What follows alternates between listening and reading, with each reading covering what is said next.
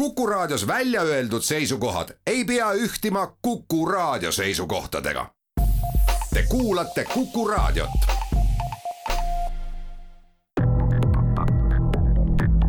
krimiraadio,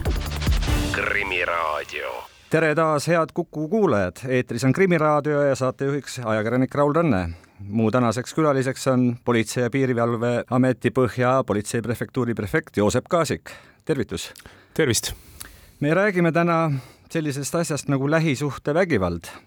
aga enne, kui me teiega vestlust jätkame, ma teen ettepaneku meenutada president Kersti Kaljulaidi kahe tuhande seitsmeteistkümnenda aasta vabariigi aastapäeval peetud kõne, kus ta lähisuhtevägivallaga seotud probleemile väga üheselt osutas. täna on riigipüha. politsei teab,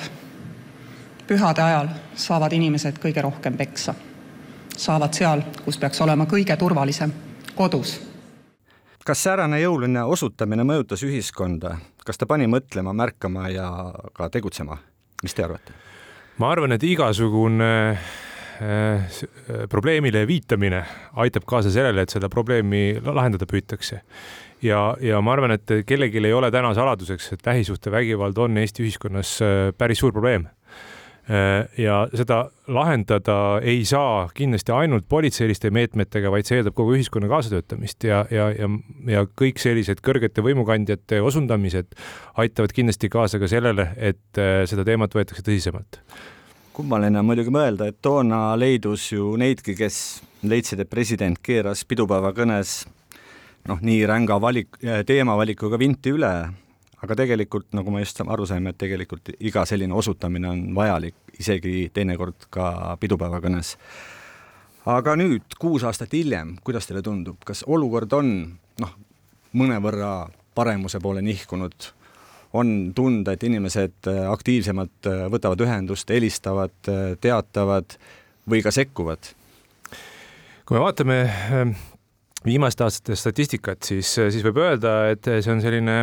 natuke nagu Ameerika mägedel sõit, et, et tegelikult on olnud paar aastat, kus on lähisuhtevägivallast antud päris palju teada, nendeks aastateks oli kaks tuhat üheksateist ja kakskümmend Äh, siis oli selgelt nende juhtumite arv suurem äh, kui, kui täna registreeritud ja ja minu tunnetus on, et, et tegelikult politsei tegeleb ainult siis selle jäämäe veepealse osaga ja, ja seda kinnitavad ka mõned uuringud. on näiteks läbi viidud uuring mõni aasta tagasi, isegi jah, see oli vist kaks tuhat kakskümmend üks, kus tuli välja, et tegelikult Eesti inimestest äh, siis teavitab vägivallast äh, umbes kolmteist protsenti äh, siis inimestest, kes on selle vägivalla kannatanud, nii et see teavitamise protsent on suhteliselt madal.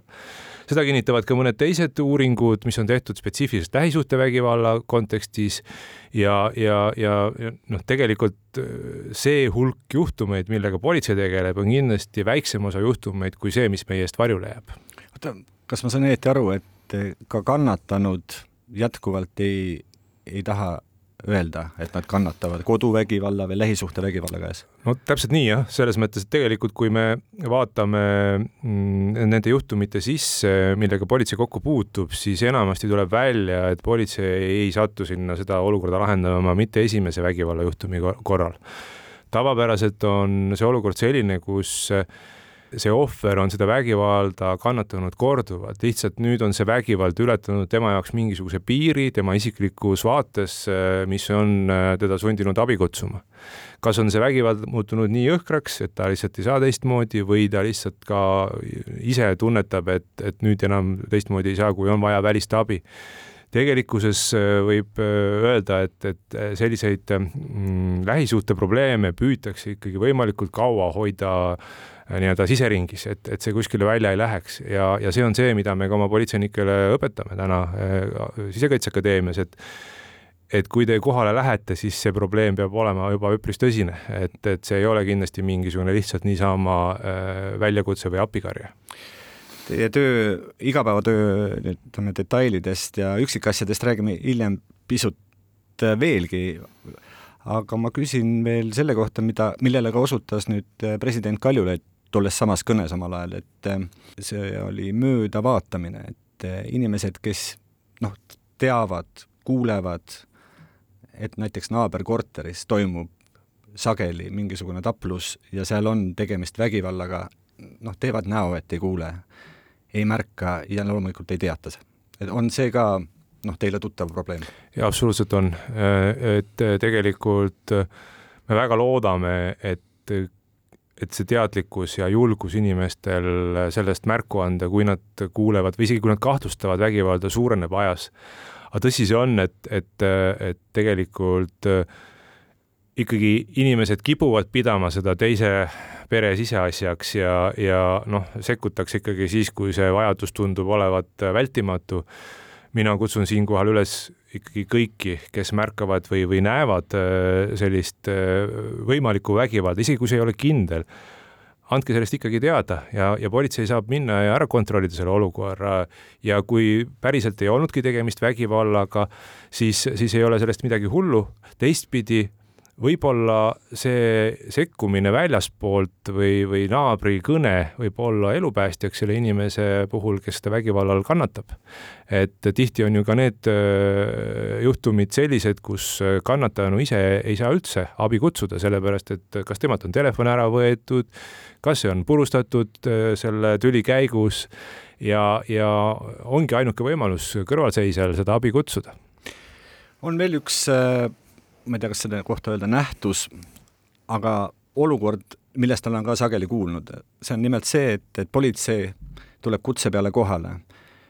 alustatakse menetlust ja siis mingil hetkel toimub miski kannapööre. Äh, kannatanu hakkab äkki rääkima, et ta ei olegi kannatanu ja vägivalda ka justkui ei olnud kui sage olukord see on, et, et ütleme, te justkui oma, noh, ma ei tea, kas ainult visuaalse nägemise järgi, aga ka kõhutundega tunnete, et see on probleemne koht, siin toimub midagi, mis eh, varem või hiljem võib saada saatuslikuks ohvrile. aga ometigi eh, ei taha ohver ise ega keegi teine loomulikult sellest rääkida, vaid üritavad ikkagi veel varjata. see on äh, igal juhul selle vägivalla ringi lõhkumine ohvri poolt on talle väga raske ülesanne ja, ja loomulikult, äh, kui me räägime lähisuhtevägivallast, siis äh, tihti seesama ohver on väga tugevas sõltuvusseoses selle vägivallatsejaga. ja seda juhtub sageli, et ohvrid äh, kutsuvad meid küll seda vahetut vägivallajuhtumit lahendama ja seda katkestama, aga nad loobuvad aktiivselt kaasa töötamast, et, et see inimene saaks kuidagi vastutusele võetud ja täna õnneks eh, on seadus küll selline, et, et eh, ohvri seisukoht, kas ta tahab, et kedagi menetletakse või mitte, ei tähenda, kui on olemas teos kuriteo tunnused, siis me menetleme seda niikuinii, olenemata ohvri soovist. Küll aga on loomulikult väga raske sellist menetlust läbi viia, kui, kui inimene kaasa ei tööta, eh, ütlusi ei anna siis ega meil on ka raske kindlaks teha, mis seal tegelikult toimus äh, ja, ja noh, neid, neid juhtumeid on. Äh, noh, mida, mida me saame täna öelda, et me ikkagi nende sündmuste puhul ei toetu ainult ohvriütlustele, vaid me vaatame ka kõike muud, noh näiteks kui tuleb lähisuhtevägivalla väljakutse, siis politsei koha peal hindab ka sellist olustikku olukorda. kui on näha, et seal on toimunud mingisugune äh, asjade lõhkumine, kui seal on mingi segadus, seda fikseeritakse, see jääb pildile. Ja see on täiendav tõend ka tulevikumenetluses, et, et isegi siis, kui ohver ütleb, et mitte midagi ei juhtunud, siis noh, on ilmselge, et midagi juhtus.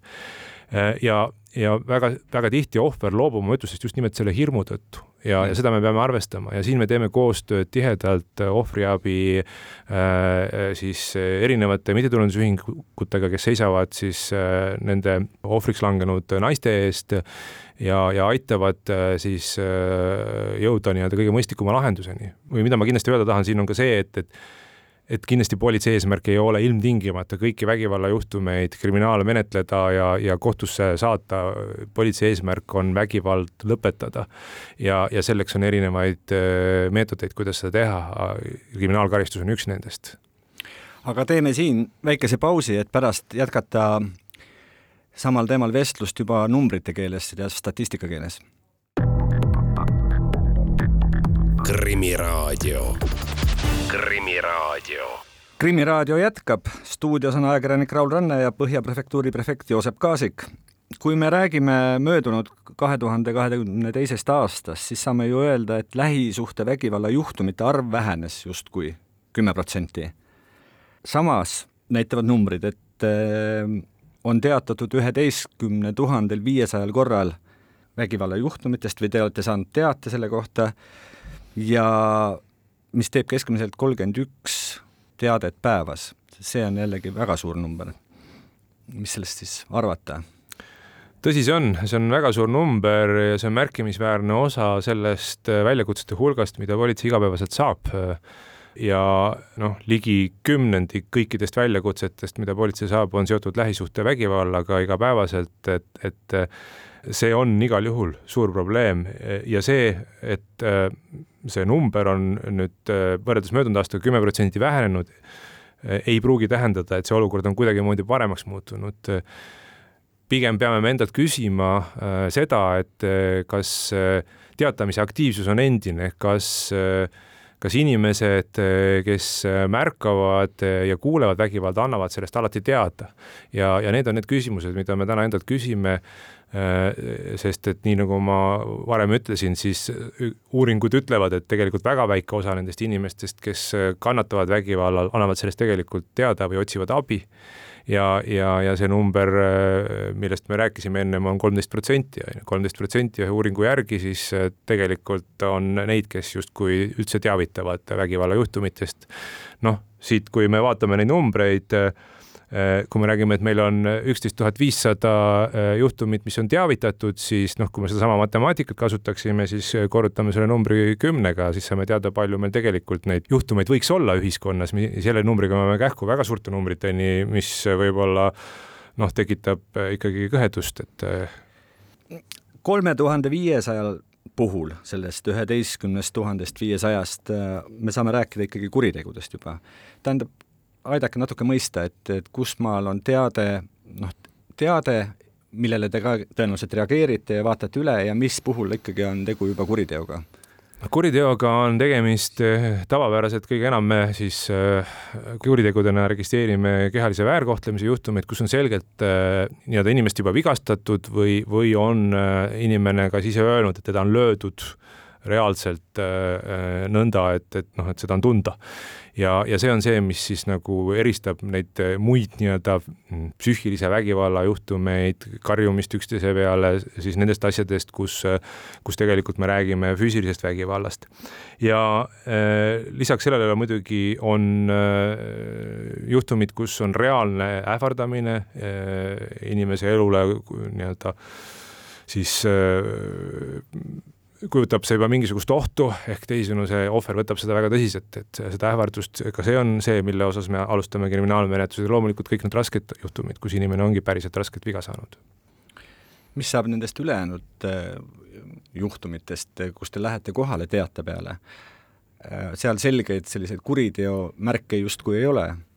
et kas see teada ikkagi või see aadress, kuhu te lähete kohale või, või need inimesed, et need kuidagi fikseeruvad, et mm -hmm. ikkagi neil, äh, no kui juba teade oli, siis võib karta, et midagi võib veel juhtuda või kuidas te nende ülejäänute puhul siis äh, käitute? me tegelikult registreerime kõik teated, mis tulevad politsei, kõikidest teadetest jääb jälg maha ja, ja mitte ainult ei jää jälg maha, vaid äh, me kõikide teadete puhul teeme ka sellel samal aadressil järelkontrolli. ehk tegelikult meie peamine eesmärk äh, läbi nendele juhtumitele reageerimise ongi just see, et, et, et see asi äh, ei lõpeks äh, tõsiste tagajärgedega. et me suudaksime ennem sekkuda. ja me teeme seda nõnda, et, et, et kui meil on tulnud teade, siis esmane nii-öelda väljakutsele reageerimine käib selliselt, et politsei käib kohal noh, kui seal on tegemist mingisuguse aktiivse tülifaasiga, siis osapooled lahutatakse, püütakse aru saada, mis toimunud on. ja, ja noh, äh, siis kui vaja, siis äh, kas kehtestatakse siis ühele osapoolele seal viibimiskeeld või, või, või kui keegi vajab kainestamist, viiakse kainestusmajja aga äh, mis sellele järgneb, on see, et tegelikult äh, siis ka kohapeal hinnatakse neid riske, mis, mis, mis olukord seal kohapeal oli ja sellest lähtuvalt siis määratakse ära aeg, millal minnakse sinnasamasse kohta tegema järelkontrolli. tavaliselt äh, sinna kaasatakse siis kas siis kohaliku omavalitsuse sotsiaaltöötaja või kui ohver on sellega nõus, ka ohvriabitöötaja, kellega koos vaadatakse uuesti see olukord üle juba rahulikemas tingimuses või siis ka antakse selge märguanne äh, mõlemale tüli osapoolele, et, et, et me ikkagi tunneme huvi selle vastu, mis seal toimub. see võib omakorda äh, aidata äh, olukorda nii-öelda stabiliseerida mingiks ajaks, et, et, et, et vähemalt see ohver siis saab kaaluda, mis ta oma eluga edasi teeb ja kuidas ta edasi liigub Eh, loomulikult me vahendame ka infot erinevate teenuste kohta, mida siis tegelikult see ohver võiks saada selleks, et oma eluga paremini toime tulla ja et sellest vägivaldsest suhtest ka kuidagimoodi väljuda, kui see vajalik peaks olema. et need on need asjad, mida me siis püüame ühiselt teiste partneritega teha ja teistpidi kindlasti täna on positiivne ka see, et, et on olemas võimalused ka vägivallatsejale väljaspool kriminaalmenetlust öö, oma probleemiga tegeleda, on olemas vägivalla nõuandeliin ohvriabi poole peal, kus, kus siis saab ka noh, inimene, kes ise mõistab, et tal on probleem selle enesekontrolliga, saab siis sellist nõu ja abi natukene, et, et, et kuidas ennast ohjata ja, ja, ja kuidas ennast muuta umbes kolmandikul lähisuhtevägivalla teadete või juhtumite puhul on mängus lapsed, ehk et nad on kas olnud tunnistajaks vägivallale või ise ka, kuidas öelda, ohvriks olnud. mis viisil politsei sellistel puhkudel käitub, kui on teada, et lapsed on ka majas ja midagi toimub? jaa, lapsed on äh, meie jaoks väga suur prioriteet äh, just sellepärast ka, et, et äh, tihti nende vägivallatsevates peredes või, või, või ka tülitsevates peredes on lapsed kõige suuremad kannatajad. Ja, ja laste puhul on äh, kindel see, et, et sellistes peredes, kus on näha, et on toimunud vägivald või see oht on väga suur, siis me tegutseme seal koos lastekaitsetöötajatega. ja ei ole harvad juhtumid, kus on tulnud ka teha väga raskeid otsuseid, kui inimesed ei ole valmis oma elustiili muutma, siis on ka lastekaitse pidanud äh, kaaluma, kas nendel vanematel on üldse õigust ja, ja võimalust äh, siis äh, oma lapsi ka ise kasvatada. et, et need on muidugi kõige raskemad juhtumid, aga igal juhul lapsed on hästi oluline ja, ja mis, miks nad oluline on just sellepärast, et et jällegi erinevate uuringute näitel need lapsed saavad sellest olukorrast endale elukestva trauma ja see elukestev trauma tähendab seda, et tast ei pruugi saada kunagi täisväärtuslikku inimest, et äh, alles hiljuti oli Tallinnas üks juhtum, kus tegemist oli siis küll juba täisealise hea inimesega, äh, kes siis äh, suri tõenäoliselt narkoüledoosi tagajärjel kolmekümne viie aastaselt, aga taust oli selline, et et ta oli koos oma vanematega, kellel kunagi oli vanemlikud õigused ära võetud, et noh, me näeme, et need, need mõjud on väga pikaajalised ja, ja kui neid inimesi, kui neid lapsi ei aita, siis, siis, siis on, siis on ka nemad järgmised inimesed, kellel võivad tekkida elus tõsised probleemid. kui ma tohiksin nüüd äh, täpsemalt küsida, milliselt politsei siiski noh, talitab puhul, kui tuleb sisse kõne, kui on teada, et seal on, see ei ole lihtsalt teade, vaid seal on potentsiaalselt tegemist kuriteoga ja et seal on äkki ka laps kuskil seda kõike tunnistamas näiteks, et eh, mis mehhanism siis mm -hmm. teil majas käivitub, kuidas see käib? noh, tavapärane väljakutsele reageerimise eh, süsteem on meil selline, et tegelikult kõik lähisuhtevägivallaga seotud väljakutsed on meil kõige kõrgem prioriteet ehk Charlie, nagu meie seda oma sees siis kutsume, mis tähendab seda, et, et need on sellised väljakutsed, kus kellegi elu ja tervis on ohus, vahetus ohus. ja, ja, ja me peame sinna võimalikult kiirelt kohale jõudma. Esimene samm, mida politseinikud siis tegema hakkavad kohale sõites, on, saada aru, mis on selle taust, selle aadressi või selle koha, kus kohas see sündmus toimub, selle taust. Ehk et püütakse loomulikult selgeks teha seda, et, et kas seal on ka varem midagi toimunud, kas siin on varem väljakutseid olnud, kas meil on teada isikud, kes selle juhtumiga seotud on, mis on nende isikute taust, tänapäeva infosüsteemid võimaldavad päris palju eeltööd ära teha, enne kui politseinikud jõuavad päriselt kohale. ja loomulikult, kui on teada, et seal peres on lapsed ja see on ka varasemalt kuidagi välja tulnud, siis me juba äh, mõtleme ka selle peale, et, et mis nendest lastest siis nagu saama peaks edasi. tavapärane praktika on see, et kui on tegemist tõsise vägivallajuhtumiga, siis me äh, teeme enda poolt kõik, et see vägivallatseja sealt sündmuskohalt äh, võimalikult kiiresti eemaldada. noh, nüüd see natukene sõltub, millised on selle, selle olukorra asjaolud, on, on, on tavapäraselt siis kaks varianti, kui asjaga on seotud alkohol ja inimene on tugevas joobes, siis võib juhtuda, et esimene samm on see, et, et me paneme ta kaines, kainenema teine variant on see, et kui, kui tõesti on tegemist tõsise sündmusega, kus inimene on äh, toime pannud juba kuriteo, siis me peame ta kuriteos katsustavana kinni. juba see tekitab selle olukorra, kus, kus seesama kannatanu saab siis hetkeks nagu sellest olukorrast välja ja järgnevad sammud sõltuvad kõik asjaoludest, et äh, kui me näeme, et siis see ohver on võimeline äh, ja saab äh, hakkama iseseisvalt äh, või on tal olemas mingi isiklik tugivõrgustik, kes toetab, siis loomulikult me arvestame ka seda. kui ei ole, siis nii nagu ma ütlesin, me kaasame vajadusel lastekaitsetöötaja, ohvriabitöötaja ohvriabitöötajate puhul on häda see, et, et äh, täna me saame kaasata ainult siis, kui ohver sellega nõus on. me neid niisama alati kaasata ei saa, ka lastekaitsetöötaja me saame kaasata igal juhul nõusolekust olenemata, kui lapsed on äh, juba seal seotud selle olukorraga. ja, ja siis äh, juba tehakse konkreetse nii-öelda siis pere osas plaan, kuidas nendega edasi käituda. raskemad juhtumid lähevad sellisesse võrgustikupõhisesse siis ähm, tegevusmudelisse, meie kutsume seda Marakiks, mis on tegelikult mitme osapoole koostöös, hinnatakse konkreetse juhtumi asjaolusid ja otsitakse siis kõige parem lahendus, tavapäraselt kuuluvad sinnasamasse Maraki siis äh, nii ohvriabitöötaja, politseitöötaja, kohaliku omavalitsuse esindaja, lastekaitse, äh, nendega siis koos vaadatakse see olukord üle ja hinnatakse, mis on kõige parem lahendus selle konkreetse juhtumi puhul teeme siin jällegi pausi ja pärast seda vestlemegi ohvriabi poolega. krimiraadio, Krimiraadio tere taas tagasi Krimiraadiosse, nüüd oleme ühendust võtnud äh, Sotsiaalkindlustusameti ohvriabi peaspetsialisti Meelis Juhandiga. tervitus! Tervist, tervist kõigile! Öelge teie, mis hetkel lähisuhtevägivalla juhtumite puhul äh, sekkub ohvriabi? noh, see on nüüd äh, olenevalt sellest sündmusest äh,, tihtipeale lähisuhtevägivalla juhtumid jõuavad ohvriabisse läbi politsei. kui politseist äh, on siis reageeritud sündmusele, siis äh,, siis selle sündmuse järgselt andmed siis liiguvad ka äh, ohvriabispetsialisti kätte muidugi inimese nõusolekul, kui ta seda, kui ta seda ise, seda politsei käest, politsei on siis selle nõusoleku saanud. ja siis koostöös siis tihtipeale, tihedas koostöös kõige parem on, kui see koostöö kohe algusest peale toimuma hakkab, kas siis kohaliku omavalitsusega, politseiga, on siis ohvriabi roll nüüd vaadata, kuidas inimest selles äh, olukorras aidata ja mõelda siis mingisuguseid tegevusi, teenuseid, äh, nõustamisi, mida siis hetkel vaja oleks. mis laadne abi see üldjuhul on, noh, ütleme keskeltläbi, ma saan aru, et iga juhtum on eriline ja mm, -hmm. ja spetsiifiline, aga tõenäoliselt on ikkagi mingisugune äh, mingisugused sarnased tegevused ju ka? jah, ikka. no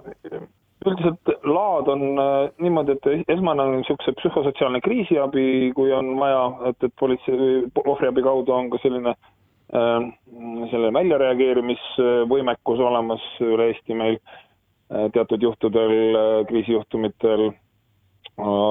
ja siis muidugi sellest järgnevalt, kui see sündmus on seal kohapeal lahendatud äh,, Äh, planeerida siis näiteks nõustamisi, psühholoogi, teraapiaid, äh, seal jällegi oleneb jällegi, mõnel puhul ju alustatakse seal ka süüteomenetlus, kriminaalmenetlus, siis, siis tekivad inimesel õigused, äh, psühholoogilise abi hüvitamise õigus, et, et, et, see, kogu see abi siis riik hüvitab ja seal lisaks siis näiteks vägivallatsejate puhul on olemas selline võimalus, et vägivallatsejate vägivallast loobumise tugiliini kaudu aidata siis planeerida tegevusi, nii, ja see on siis mõeldud nii ohvrile kui ka, kui ka vägivallatsejale või siis, või siis kõigile sellesse sündmusse puutuvatele osapooltele, et et see on jah hästi-hästi erinev, aga, aga üldiselt äh, iga juhtum on erinev tõesti ja, ja alati proovime leida siis selliseid lahendusi, et äh, kuidas just inimest jõustada, aidata mõista, äh, kuidas edasi või, või, või mis siis nagu edasi, edasisi plaane teha ja just nimelt siin koostöö on väga oluline, niisugune süsteemne koordineeritud koostöö kõikide osapoolte vahel. kogu see teie tegevus on ju otsapidi väga delikaatne, et, et kas on mingisuguseid probleeme, mis noh, ma ei tea, kas seadusandluse tasemel või mingisuguse ametkondliku asjade korraldamise tasemel on Eestis siiski kuidagi lahendamata või tuleks midagi teha, mis hõlbustaks teie tööd? noh jah, kui, kui niimoodi küsida, siis äh, kindlasti on andmeid ja, ja kõik see kon-, konfidentsiaalsus äh, piiritleb ka neid, neid juhtumeid ja sündmusi. selles osas on äh, siin ju isikuandmed ja terviseandmed ja kõik, mis siin ju, ju mängu tulevad aga üldiselt, kui selles asjas äh, on selline juhtumikorralduslik lähenemine,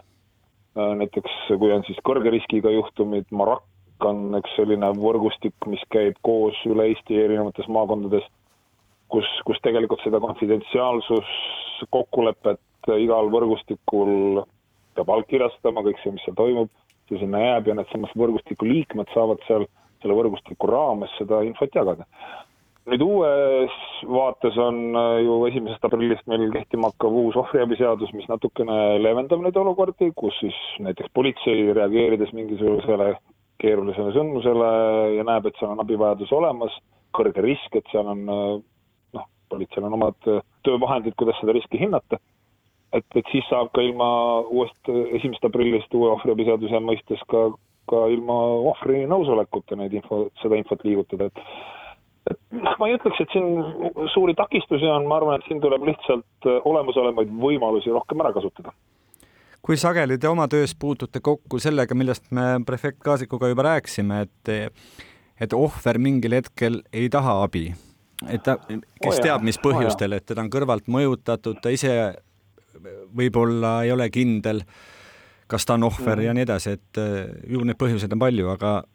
aga noh, ühelt poolt justkui rattad käivad, töö käib, inimesed proovivad aidata ja teiselt poolt see, keda, keda aidatakse, noh, ei oska seda hinnata või ei, ei tea, mida teha mm. -hmm jaa, Baruka, see on üks mõjutaja ja, ja see on tegelikult üks, üks selline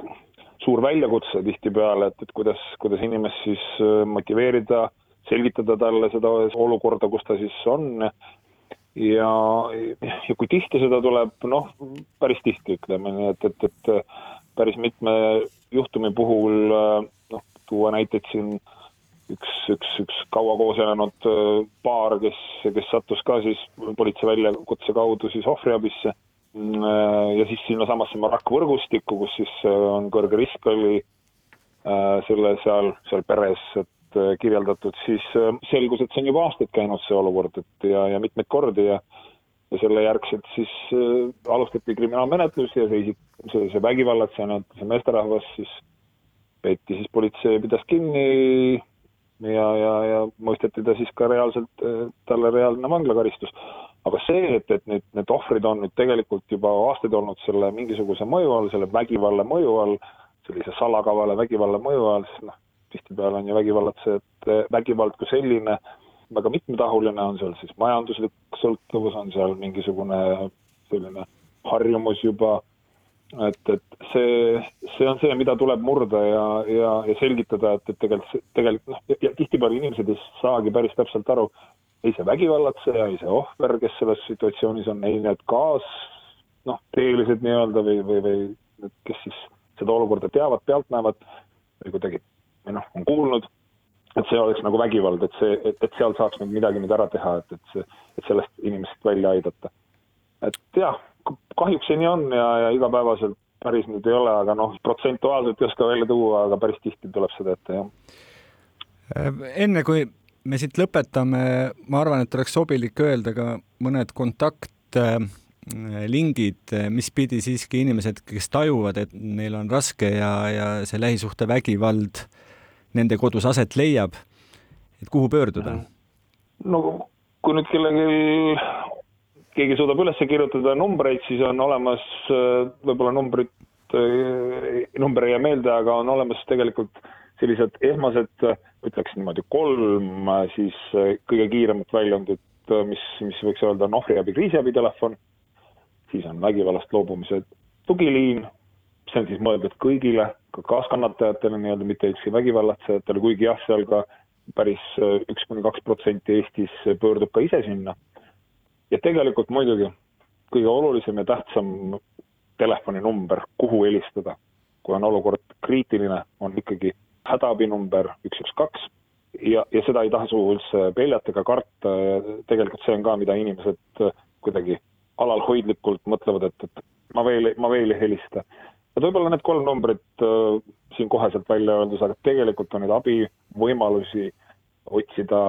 internetist erinevaid äh, Sotsiaalkindlustusameti kodulehe pealt äh,, palun abi kodulehe pealt, neid on, tegelikult on hästi palju Eestis, mida oleks võimalik just kust kaudu, siin näiteks naiste puhul on,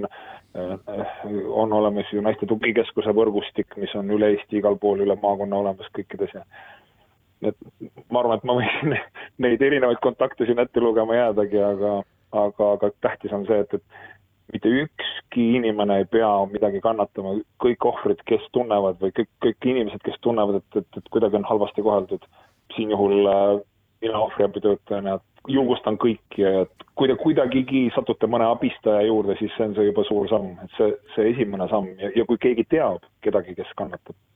siis palun andke teada, et see on nii oluline ja tähtis, sest, sest kui need inimesed kahjuks jah, nagu te siin isegi ütlesite, tihtipeale sellest olukorrast ise aru ei saa. selge see, e, igal juhul äh,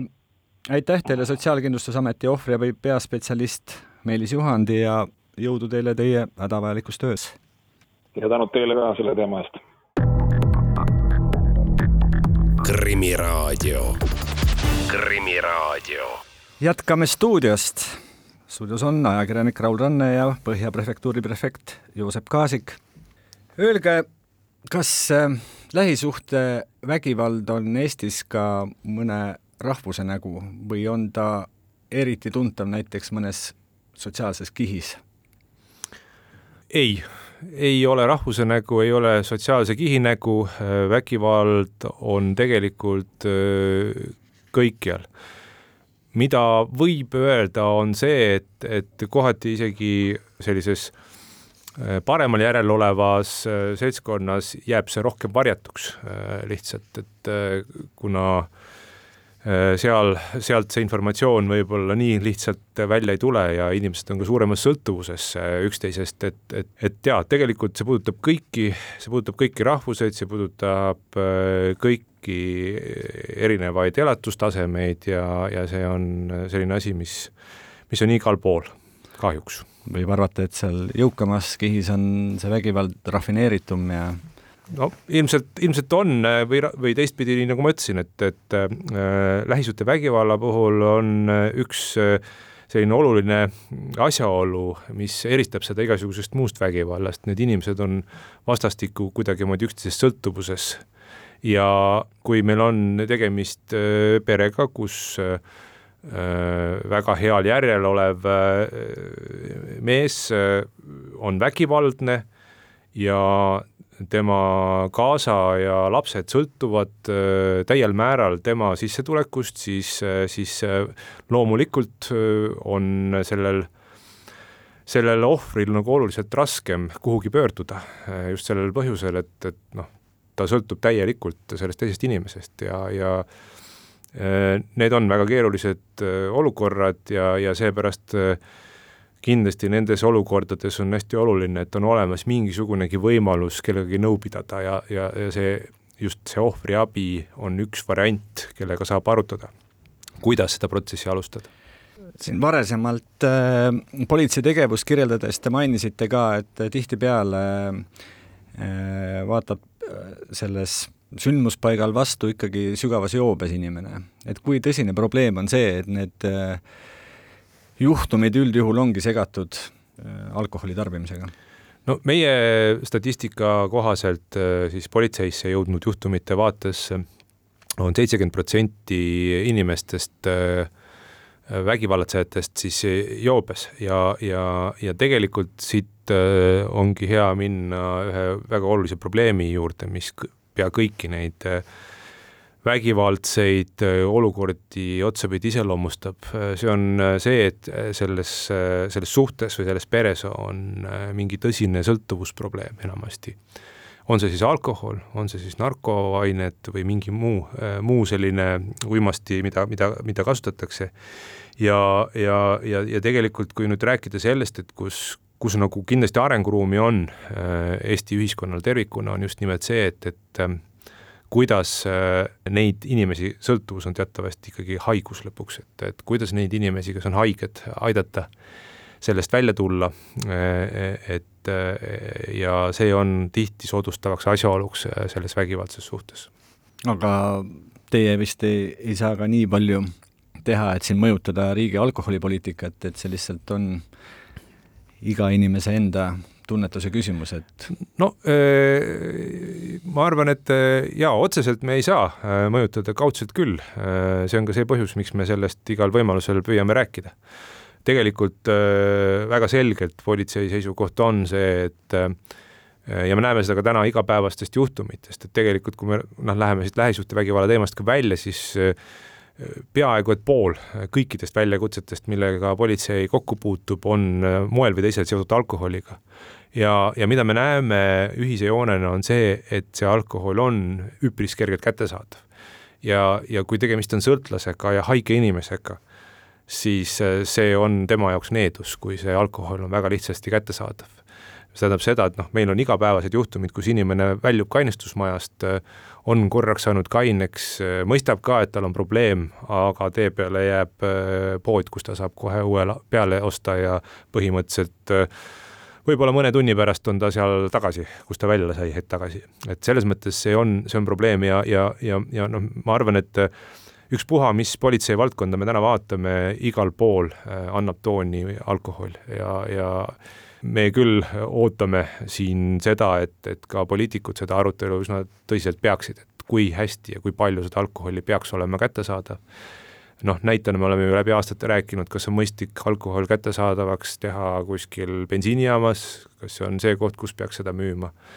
meil on oluline, et, et püüaksime vähendada neid emotsiooniostude võimalusi. ja alkohol ja vägivald käib käsikäes mitte ainult lähisuhtes, vaid ka muudes olukordades. Me oleme rääkinud äh, märkamisest, tegutsemisest, julgusest, kas on veel midagi, mida Eesti inimesed üldisemalt äh, võiksid Äh, teha, et need numbrid, mis aasta lõpuks kodu- ja lähisuhtevägivalla juhtumid tähistavad, et ähm, need oleksid väiksemad, et kas on miski, mis teile jääb silma, et, et võiks olla parem? ma arvan, et sekkumine sekkumine nendesse olukordadesse on hästi oluline, et, et äh, nii nagu ka ohvriabi äh, siin ütles, et, et tegelikult kõik saab alguse sellest, et äh, vahet ei ole, kes see inimene on, kes näeb või kuuleb, et kuskil on toimumas vägivald, et see siis sellesse ka äh, reaalselt sekkuks. et äh, jällegi, kui me vaatame seda valmisolekut sekkuda, siis, siis, siis kindlasti äh, on siin arenguruumi, et äh, seesama uuring äh, siis Euroopa Liidu põhiõiguste ameti uuring, mis on läbi viidud siin mõni aasta tagasi, näitas seda, et äh, Eestis sekkumise tasand on tagasihoidlik, et vaid kolmkümmend seitse protsenti Eesti inimestest on valmis sekkuma sellistesse olukordadesse. Me ei kutsu siin loomulikult üles inimesi minema aktiivsesse tülisse vahele, kui nad tunnevad, neil ei ole seda võimekust, sekkumine on ka helistamine helistamine, sellest teadaandmine ja, ja see päriselt ka, see võib päästa kellegi elu, kui seda teha õigel ajal, äh, võimalikult varases faasis, et äh, me ju näeme neid juhtumeid igapäevaselt, kus tegelikult äh, sündmus on läbi aja eskaleerunud nõnda, et, et, et selle tulemuseks on rasked tagajärjed, kellegi vigastus, surm. Eestis on lähisuhtevägivalla tagajärjel äh, siis äh, eelmise aasta jooksul kaotanud elu seitse inimest. et äh, see on päris suur number ja, ja, ja kui neid juhtumeid nagu vaadata, enamasti on tegemist ikkagi sellega, et, et see, see olukord ei ole seal ühekordne, vaid see on pikemat aega kestnud probleem ja, ja, ja päris mitmel puhul on ka olnud mingisuguseid sekkumisi, aga need ei ole olnud piisavad. nii et, et igal juhul võimalikult varases faasis tuleb sekkuda, tuleb tähele panna ja, ja paljudel ohvritel on abis ka see, kui ta saab oma muret kellegagi jagada, et kui isegi, kui te tunnete, et